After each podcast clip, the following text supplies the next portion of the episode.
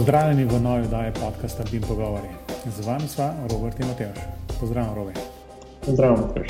Tale sezona, če če pa tako poimenovati, uh, telih Bim Pogovori se počasi bliža koncu. Uh, tole je zdaj že začetek junija in uh, mogoče se splača uh, malo pogovarjati o tem, kaj bomo delali čez poletje.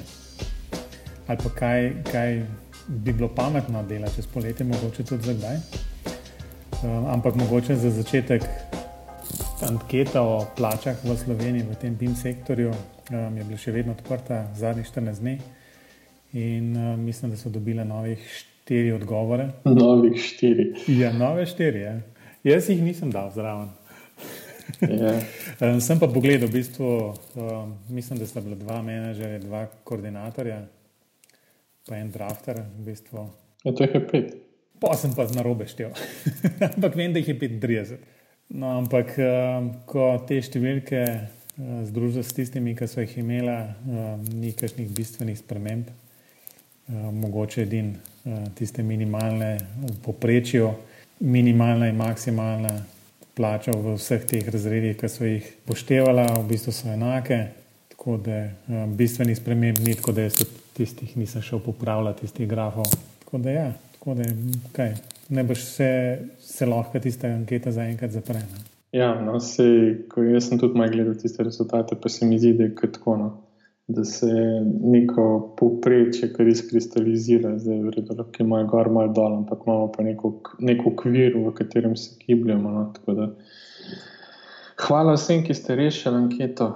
Um, pa še kdaj, če bo kaj vprašala. No, v bistvu Pred kratkim sem dobil eno, en mail, mislim, da je samo meni poslal, kolega, ki je kolega študent, um, trenutno mislim, da je v prvem letniku.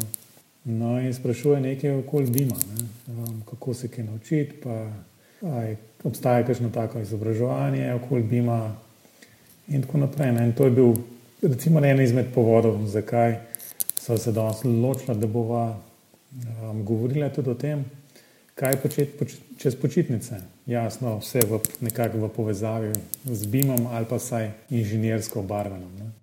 Ja, no in danes, ta današnja oddaja, čeprav ni še čisto počitniška, tisto počitniška, bo še pred počitnicami še kakšna oddaja, uh, ampak bodo pa noter mal priporočila, najna, najna priporočila za to, kaj se splača početi. Uh, čez počitnice, oziroma če tam nekaj več časa, uh, če se bi se morda veljal lotiti, pa bomo pa tudi par predlogov imeli tako za. Bolj za zabavo, kot kaj drugega. Ja, čeprav sem v bistvu razmišljal, veš o čem. Da mogoče imamo mi dva malo um, pokvarjen ta občutek, koliko časa imajo ljudje čez poletje. Veš, gradbene firme ne boš čez poletje na polno delajo, projektirajo se ne boš na polno, tako čez celo leto. Uh, mislim, da je ta recimo, en tak čas, ki je, ki je mogoče namenjen za, za recimo, ena takšna neformalna izobraževanja. Um, čutimo predvsem mi, ki smo na fakulteti. To je res. Pri nas je malo več časa. Je. Ne napačno tega razumeti, ne. da, da se v bistvu pa, pa uh, čez poletje na faksih nič ne dela. Um, to ni res. Ampak, um, Druge stvari se delajo. Ja, tako ne. Um, Je pa tudi sicer res, ne, da si bi ljudje morali tako, tako vzeti več časa za recimo eno tako izobraževanje. Um, jasno, da je včasih um, težko uskladiti z vsemi obveznostmi, ki jih imate v službah in tudi sicer.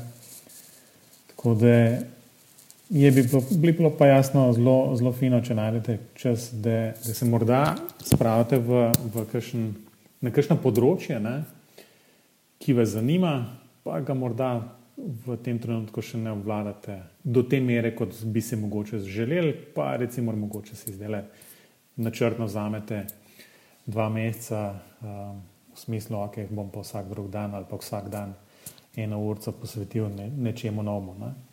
Pripravil sem en tak kratek seznam, kam bi se smerila, pa je tako zanimiv.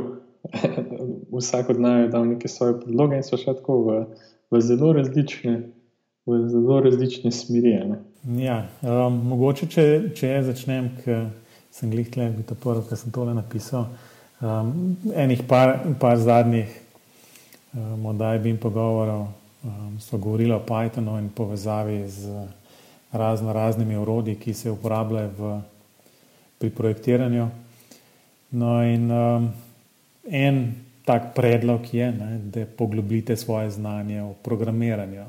Zdaj Python se tukaj ponuja kot idealen programski jezik za to. Um, morda Robi bi lahko rekel, da je včasih malo zmešan, jaz sovražim to zamikanje, Robi tudi, kot jaz vem. No, Ampak, jaz ga iz, iz srca sovražim. ja, jaz se tudi ne morem nekako navaditi tega meni. Čeprav, čeprav v bistvu, če bi uporabljal pa um, Objective-C, ki ga ti nisi, nikoli, um, tam je pa enih uklepajo, lej, tako da si kom, komi čakaš, da bi se kaj sam zamaknil. Um, tako da ja, vsak, vsak programski jezik ima neke svoje uh, zadeve, ampak Python se pač tukaj ponuja kot eno tako urodje, ki se kaže kot zelo uporabno v tem, pri tem BIM projektiranju, pa ne samo za, za projektiranje oziroma za izdelavo nekih gradnikov, pa nekih vtičnikov, ampak tudi za splošno avtomatizacijo razno raznih procesov in vemo, da se vedno več stvari um, recimo v baze shranjuje, um, potem je treba jasno kakšna poročila iz teh baz delati. Python zna biti um, predvsej primerno urodje za, za tudi za takšne stvari. Jaz bi tu nekaj dodal, no, kar se Pythona tiče, ker so me tudi tako študenti in tudi kolegi sprašvali. No. Um, jaz moram reči, da sem se Pythona lotil letos, ker me je Mateoš prisilil. Uh, Hecam se zato, ker sem pač začel učiti Python, prej ga nisem poznal. Uh, sem imel pa pač kilometrino z drugimi jeziki. No, in bi tako rekel, ne, jezike je zelo težko menjati, sploh če si v enem bolj domač. In uh, če pa vam povem tako, da sem zdaj začel Python za nekatere naloge uporabljati, potem to pomeni, da že nekaj dela pravno. Um, kar mene moti pri Pythonu je to, da je totalna zmeda glede teh verzij 2 in 3. Ne? Za tiste, ki morda ne veste, pač dve verziji sta se do pred kratkim razvijali, ena pa verzija 2, ena pa verzija 3, ki je v vseh pogledih boljša, ampak zaradi pač kompatibilnosti za nazaj se tudi dve še vzdržuje. No? Ki se je pa letos nehala, je tako, Matej. Ja, Mislim, da se letos naprej največ. No, in to me blazno moti, zato ker ko iščeš kakšne rešitve po spletu, ugotoviš, da je veliko kode predstavljeno za verzijo 2. To, to je recimo ena stvar, ki vas mora naprej opozoriti. Tako da morate malo paziti, da je ki objavljen, če ni verzija zraven napisana. To je ena stvar, no, druga stvar, ki mi gre pa tudi blazno na živce, so pa ti zamiki. Ampak to, ti zamiki so problematični samo v primeru, če ti ne pišeš kode samo od začetka do konca. Ne? Se pravi, z drugimi besedami, če kako hoče kode kopirati, od nekje potem prenesete accept, je zelo velika verjetnost, da si boste naredili en kup problemov. Uh, težava je potem, da ti programi za programiranje imajo običajno te zamike narejene ali na tabulator, ali pa na tri presledke, ali pa eno celo na dva in tako naprej. No. Python tu seveda ni zbirčen, dokler ste konsistentni. Ne? Se pravi, če imate posod te zamike z enim presedkom, mora biti posod z enim presedkom. Ne, ne velja, da zdaj enkrat en presedek, drugič pa tabulator. Ne? In s tem je največ problemov. No? Je pa zelo, zelo, zelo dober programski jezik za manipulacijo z besedilom, odličen, pa ful tako intuitiven, no? to mi je ful všeč. Um, pa par stvari moč vedeti, pa lahko začneš. No? Tako da jaz vsakmu, ki bi rad se začel učiti programirati, bi predlagal, ne začne s Pythonom. Zato, ker zelo veliko najdete, zelo veliko lahko pomaga, pa ne bo dolgo trajalo, da boste nekaj zelo uporabnega si pripravili. Ja, tiste um, take normalne, recimo. Inženirske stvari, recimo, da se neki, neke podatke dobi, se nekaj poračuna, pa se rezultate izpiše. To je um, tako. Ne bom rekel, da je trivialno, ne? ampak um, se da zelo hitro, te osnove gre lahko zelo hitro skozi. Tako, to, to je, kar se Pythona tiče. Bi pa sam pač upozoril, da smo kar nekaj oddaj govorili o Pythonu. No? Ti si jih lepo naštel tukaj v tem dokumentu, ki ga imamo pripravljenega. Ja, tako da, če, če ste mogoče kakšne preskočili, um, se, se, se zmeri sprašujem, zakaj bi to človek sploh delal. Um, Gre se lahko tisti nazaj poslušati, morda so v tistih govorila malo bolj na široko, še posebej v 108. oddaji, ko so ravno o Pythonu tako na splošno govorila. Tako da že, že samo, recimo, Python, če bi rekel, ok, se bom pa malo Python, se bom naučil v naslednjem mesecu, enih par stvari bom naredil. Ne? Mogoče kakšno stvar si avtomatiziral, že to je, mislim, velik korak um, naprej. Ker se potem odpirajo nove možnosti. Zdaj pa en korak naprej od programskega jezika, pa pač naprej, ne? na kak način se vodijo projektne skupine in tako dalje. Ne? Pa tudi o tem so že govorili. Ja, res je. Um, meni je zelo ljuba tema. Meni pa malo manj. um, ja, to so po 57 oddaji, da ste govorili o agilnih metodah.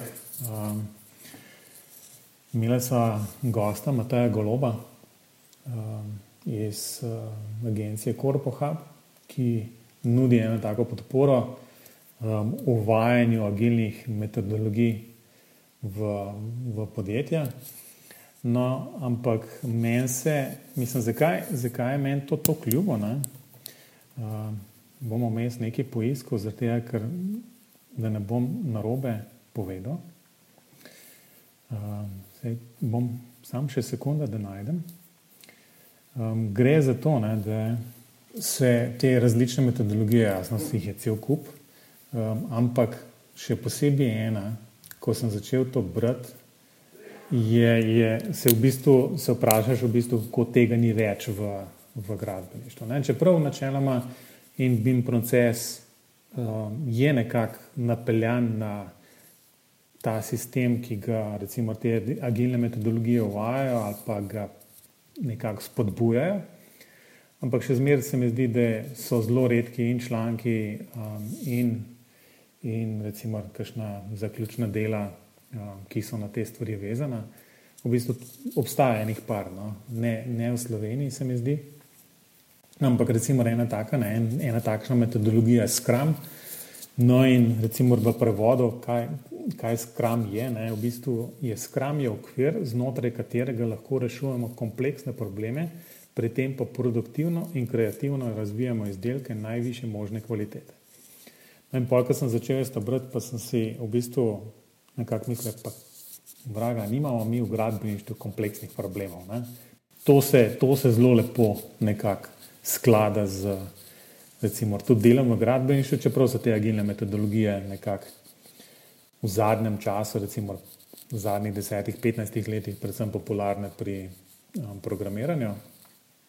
Izvirajo pa sploh ne iz programerskih vod, ampak popolnoma neki drugi industriji.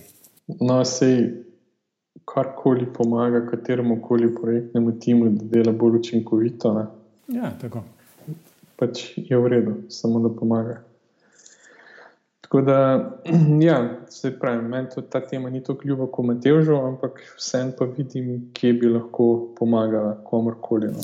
Ja, če, že če samo pomisliš, kaj so tiste, recimo, razklejevani um, sestanki, um, ki se integrirajo različni, recimo, podmodeli um, BIM-a, to je točno praktično to. Ne? Sam s to razliko, da se recimo, v BIM procesu temu ne reče nek, um, neka iteracija ali pa sprint. Ne? Uh, kot bi se temu rekli v, v programiranju, ampak je pa zelo podoben. Ne? Ja, se pravi, da so sami sprinti. Cele nočni. Cele nočni. Ampak, če nam poveva, v bistvu, kam, kam najbrž te, to prpelje, ne? na koncu um, imamo en link za to, kam prpelje te stvari. Lahko.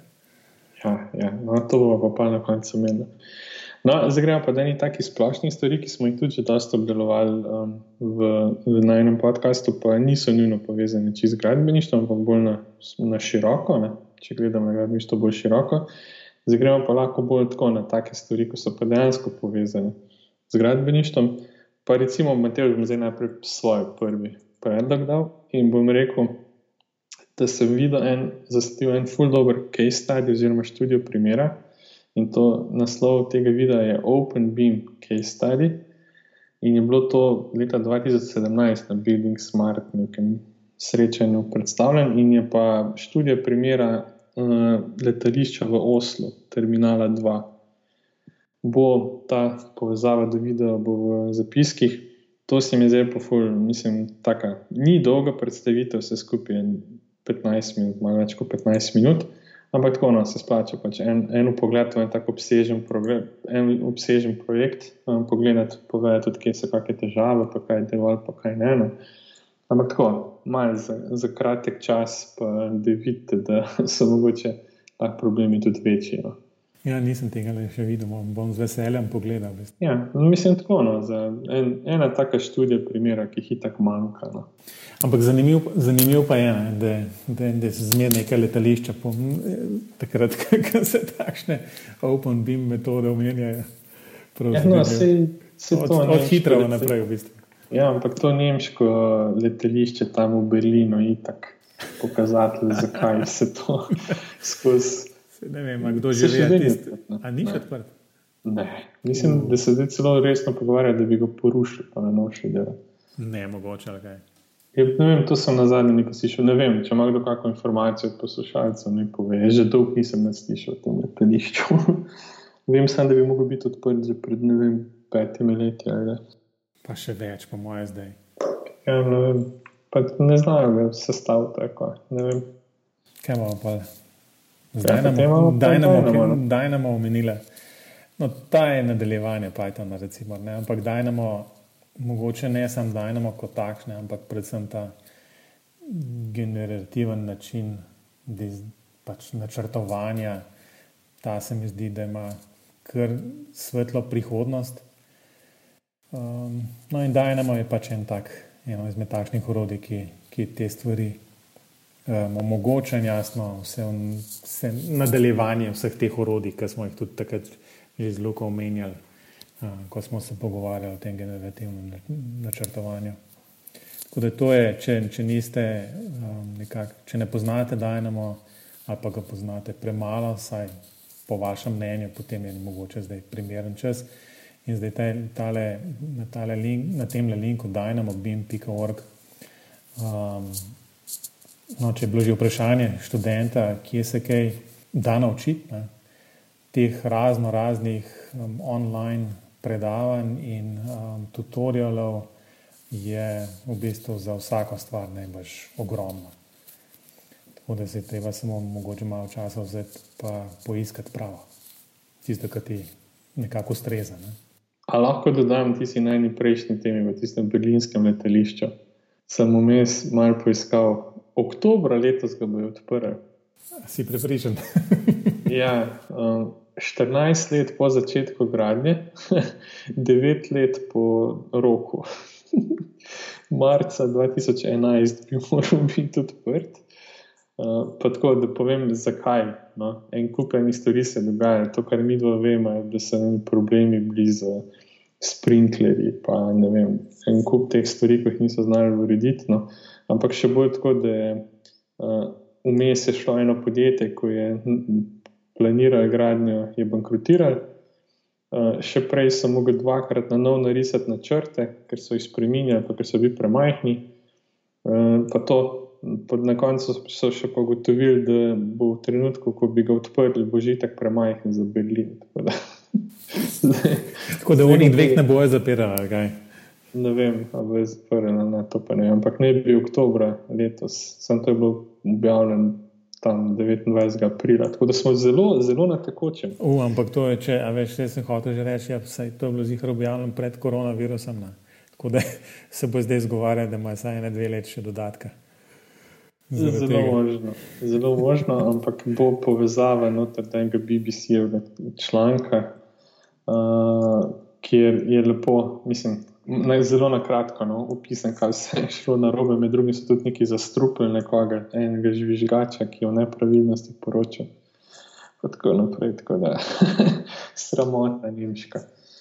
No, um, zdaj, če pa gremo na kakšne lepše stvari uh, naprej. No. Jaz bi zelo priporočal, mogoče to niti ni za poletje, ampak je to tako nasplošno. No. Je en YouTube kanal, ki se mu reče Beam, ampak je tisti I, N, K, D, B, N, M. To je en kanal, ko je včasih mogoče res nekaj več vezi z BIM-om, zdaj pa bo tako v gradni. Pa, to, no. pa imajo zelo, zelo zanimive projekte. Vem, imajo video o Hyperloopu, pa novem letališču v Los Angelesu, pa tako naprej predstavljajo te mega projekte. Meni bo zelo zanimivo, da sem ta video našel pred ne tako dolgo nazaj. No. Um, pa je bil potem, kmalo zatem, je bil objavljen video, ko so bili znotraj Big Bena v Londonu tista mehanska ura, pa kako jo obnavljajo. Res, meni men je tako, kar ljub kanal, no? um, pa ne objavljajo tako pogosto, pa tako zelo dobro res produciran. Tako da priporočam. No? Pa imajo tudi noter znotraj nove londonske železnice, so bili pa tako naprej. No? Tako da tak, za gradbenike skoraj obvezno ogled. No, pa, pa še, še en predlog, to bom pa Matej povedal. Je pa našel neki pred BIM-om, ko je bilo pa kar nekaj časa nazaj, ko se je v Ameriki nekaj dogajalo. Ena zanimivost.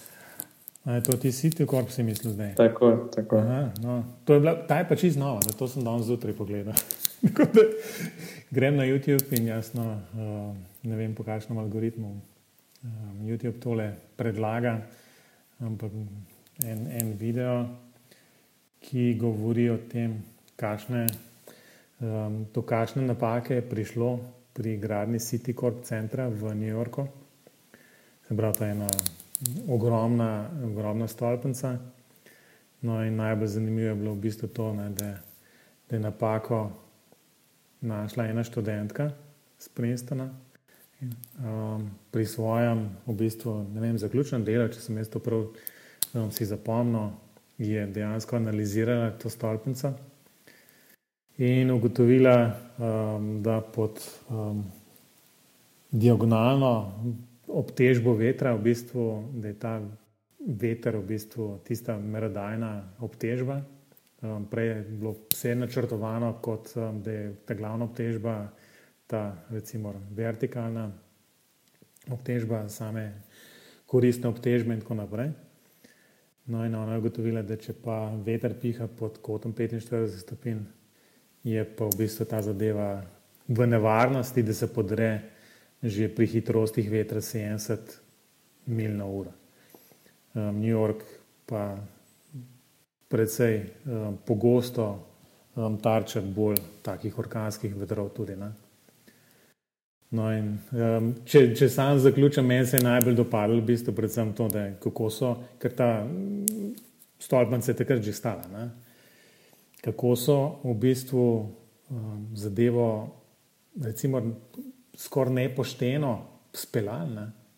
in ne, nič ne povedali vsem, ki so v tej stolpnici vsak dan delali, ampak so v treh mesecih um, potem popravili neke spoje, ki so bili prej samo um, vijačeni, so vse tiste spoje, nekih um, diagonal so zvarili in um, na ta način v bistvu preprečili najhujše, kar bi se lahko enkrat zgodilo. Ampak to so naredili vse po noč. Ja, to so naredili tako, da tisti, ki so delali v tej stavbi, sploh tega niso vedeli. Um, mislim, jaz, ravno ko bi imel še eno ta video, sem se spomnil, da sem jaz ta video že videl, že pred časom. Ne? Um, čeprav potem, ko mi ga je pokazal, sem dejansko videl nadaljevanje od tega, kar je on videl bo tudi ta povezava v, v zapiskih. In v tem nadaljevanju je pa dejansko ta avtor tega prispevka našel to študentko in se z njo pogovarjal. In kar me najbolj zanima, je to, da je en njen profesor imel v bistvu to um, navado, da je dal svojim perspektivnim študentom za diplomske naloge, to so bile diplomske naloge, in je dal zaračunati neke znamenite stavbe, ki so se v tistem obdobju tam gradile. Ne. In ona je kontaktirala te dizajnerje, ker jih niso izračunali še izkostne. In so jo na hitro odpikali, ampak dejansko so pa sami potem ugotovili, da je nekaj narobe, pa niso nikoli javili. In kar je bilo najbolj grdo, je, da ko, ko je bila ona prednji naša to napako, je bila pri njih, pa so se predstavili tako naprej in so ji obljubili neko štipendijo. A, to si ti videl, ne, ne, ne. No, obljubili so ji neko štipendijo, oziroma nek večji znesek denarja. Ne zato ker je pač tako zanimalo, pa da bi prišel k njim delati, pa ne vem kaj vse. Ne. Potem pa v bistvu, ko jim je pa rešila projekt, ko jim je povedala za napako in ko so gotovili, da je njena napaka, so pa kar ona pravi zgosta, ne najmanj druge besede, niso se več javljali, postali so neodzivni. No? In dejansko je ona še čez desetletja odkrila, da je, da je dejansko ona tista, zaradi katere so to, uh, so to prenavljali, pa zaradi katere so se potem tudi konec koncev spremenili uh, neki. neki um, Predpisi, no, kaj? predpisi. Ker prej tega sploh niso upoštevali. Je pa ta stavba ena tako posebna stavba, ker je spodaj mogla biti neka crkva, pa bila samo na nekih treh stebrih ali nekaj takega. Ne, meni je bil zelo, zelo poučen video. Mislim, zanimivo je tudi za gradbenike, še posebej, no, kako lahko spregledaš en tako čiten um, detajl. No. Tako. Tako da zelo, zelo v redu, če oba dva video pogledata, bo vse skupaj, zdaj mislim, da je 40 minut. Eh, ki se izplača investirati. No, zdaj, če za konec. Malo lažje. Ne, ne, malo lažje. Zdaj, mi smo zdaj govorili o reševanju problemov, zdaj, če za konec je pa en video, ker se pa problemi ustvarjajo. Ne? Ja, ta je. Jaz sem mogel sicer malo pogledati, kaj zdaj, ko mi robe to kaže. pa vidiš, robe, ampak to ti pove. Ne, to pa um, en video je eno, um, kjer so spoh ne vem, kje je to posnet. Ne vem, mislim. Ena taka, kako je to na celotnem stopnju, zelo visoka. No? Ne vem, recimo, da je 20 nadstropij. No? Recimo, ne. In tam v enem petem nadstropju dva mojstra, dva mojstra, to ste res mojstra. A je to um, ja, en vertikalen vogalni steber, um, kako se to reče odstranjuje. Ja. Enostavno ste ga odštemali, tam samo še mislim, da, je, da se vidi, da je še armatura noter. Ne? Ampak ja, zaenkrat je še beton, ti boš porezal pol. Tako da to je pa, ne vem. No, ampak če, če, če pogledaš, ne, če pogledaš tista stavba, je tak orang blok. Veš, um, teh stebrov je tako ogromen. Ne. Tako da se vprašaš, okay, najbrž če enega tam podreš, tam v sredo, mogoče še ne bo hudo. Ne? Ampak če ga boš pa še ne tri zraven dal, ko pa najbrž se že kje poznaš. Ne? ne vem, tole vsak grad bi ko bo tole videl. Tudi če ni veren, se bo prekrižil. Je, ta, je, ampak je res, je res taka, ne, da se mesti zgleda. Kaj je kaj zanimivo, ne? Pa le, da detaljno pogledaš, pa vidiš, da no, ste, da so na strani. No, na tej noti mislim, da je čas, da končamo. Um, zdaj, kot smo rekli, ni še zadnja daja pred počitnicami, se pa bližimo pa počitnicam. Uh, tako da, kaj me tež, kaj naj lahko najde? Um, najbolj, da kar nam e-mail pošljete na info.vinpogore.com z vprašanji, predlogi, pohvalami in grajami. Um, tako da, to je to po mojem najlažje. Ne? Tako, za oba, jaz pa ne bom govoril več svojega maila. Mislim pa, da lahko oba dva zgooglete, če je treba. No? Ja, ne, to je to za danes. Mi se slišimo spet čez 14 dni. Adijo, robe. Tako je. Adijo. Čau.